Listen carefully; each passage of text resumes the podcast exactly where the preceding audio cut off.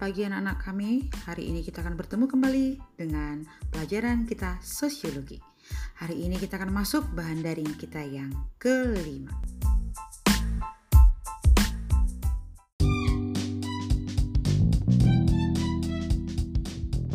Minggu yang lalu anak-anak kami sudah kuis sosiologi di mana kuis kalian itu mulai dari bahan daring 1, 2, 3, dan 4.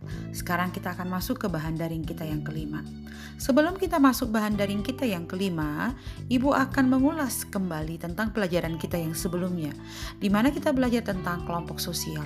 Kelompok sosial adalah kumpulan individu yang memiliki tujuan dan cita-cita yang sama, di mana kelompok sosial itu memiliki ciri-ciri, ciri-cirinya itu ada interaksi terus-menerus, terkadang di dalam satu wadah atau tempat, ada nilai dan norma, kemudian berproses, berstruktur, kemudian ada ikatan yang mengikat satu dengan yang lainnya.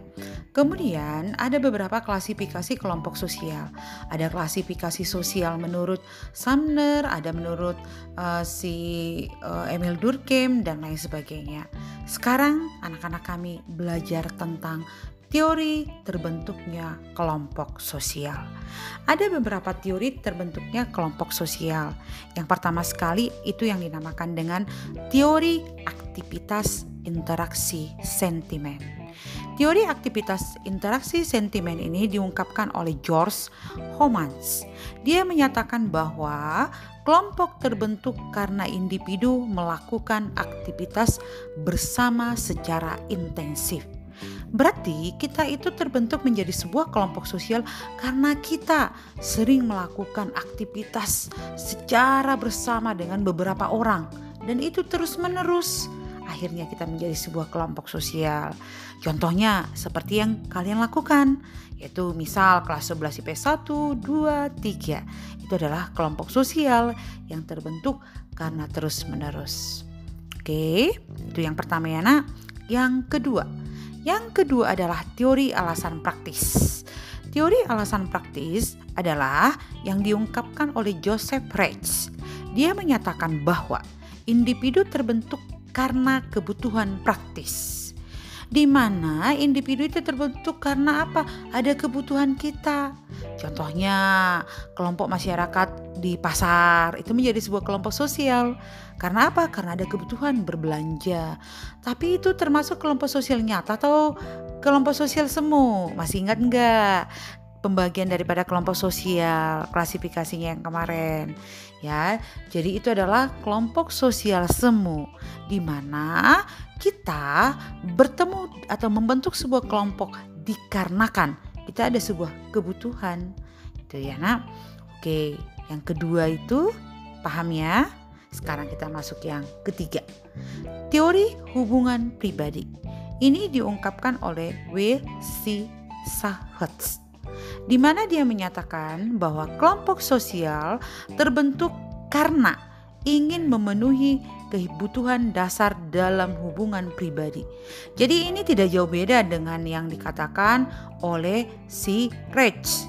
Hanya bedanya apa? Kalau Reich menyatakan itu berdasarkan kebutuhan praktis, sementara kalau Search menyatakan bahwa itu berdasarkan hubungan antar pribadi. Contohnya, Kelompok sosial terbentuk karena adanya keluarga luas.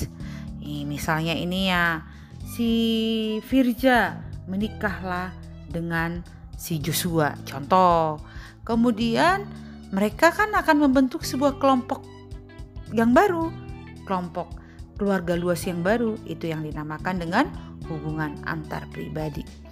Kemudian yang keempat adalah teori identitas sosial. Teori identitas sosial diungkapkan oleh M. Bilgi, di mana Bilgi menyatakan bahwa kelompok sosial terjadi karena adanya kesadaran bersama bahwa mereka memiliki identitas yang sama mereka memiliki kesadaran yang sama karena mereka memiliki identitas yang sama. Contohnya, itu adalah kelompok pecinta alam, contohnya kelompok penyuka batik, contohnya lagi kelompok daripada eh, orang-orang uh, penyuka uh, burung dan lain sebagainya. Itulah yang diungkapkan berdasarkan teori identitas sosial. Dan ini banyak sekali ya nak. Misalnya ini terlebih kepada hobi, hobi atau kebiasaan. Yang kelima, teori kedekatan. Teori kedekatan diungkapkan oleh Fred Luhats. Dia menyatakan bahwa kelompok sosial terbentuk karena adanya kedekatan ruang dan daerah. Kedekatan ruang dan daerah contohnya kita sama-sama orang Sunggal, sama-sama orang Kampung Lalang, sama-sama orang Semen Kirim, Gunting, dan lain sebagainya. Tuh, jadi terbentuklah yang namanya sebuah kelompok sosial. Yang keenam adalah kelompok sosial terbentuk karena teori pembentuk beralasan. Ini diungkapkan oleh Dowin Krawich dan Alvin Zander. Dia menyatakan bahwa kelompok sosial terbentuk karena individu membentuk kelompok karena berbagai alasan. Ya ini yang benar, lebih luas dia. Orang membentuk kelompok sosial karena sekolah, karena pekerjaan, karena hobi, karena kebutuhan, karena kedekatan ruang dan tempat, dikarenakan karena hubungan pribadi dan lain sebagainya. Jadi ini lebih luas. Ya, menurut anak-anak ibu kalian lebih setuju yang mana? Kalau menurut ibu saya lebih setuju teori pembentuk beralasan, ya. Tapi semuanya itu tidak salah, tapi ada yang lebih kepada benarnya. Kemudian yang terakhir adalah teori perkembangan kelompok. Teori perkembangan kelompok ini diungkapkan oleh Benis dan Sefar. Mereka menyatakan bahwa kelompok sosial terbentuk karena individu membentuk kelompok untuk otoritas. Untuk otoritas maksudnya apa? Untuk membentuk uh, kelompok sosial supaya mereka itu memiliki yang namanya sebuah otoritas, sebuah hak paten.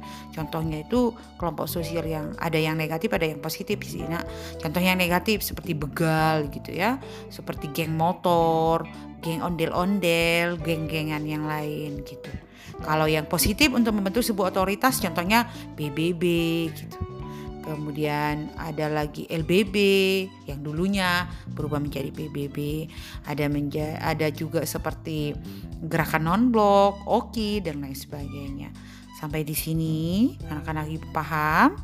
Ada yang mau ditanyakan? Tidak ada.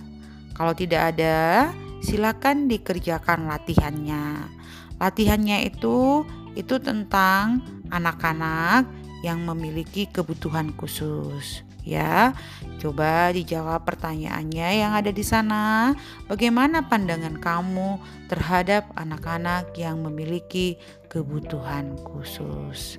Minggu depan kita akan masuk masih di kelompok sosial ya. Kelompok sosial kita itu uh, lebih kepada dinamikanya dan kita akan zoom. Sampai di sini ada yang mau ditanyakan nah? Tidak ada. Oke, kalau tidak ada, sampai di sini pembelajaran kita hari ini. Oke.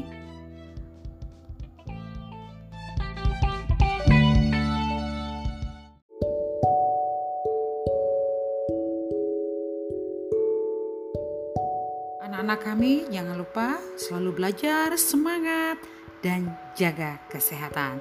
Sampai jumpa minggu depan. Bye.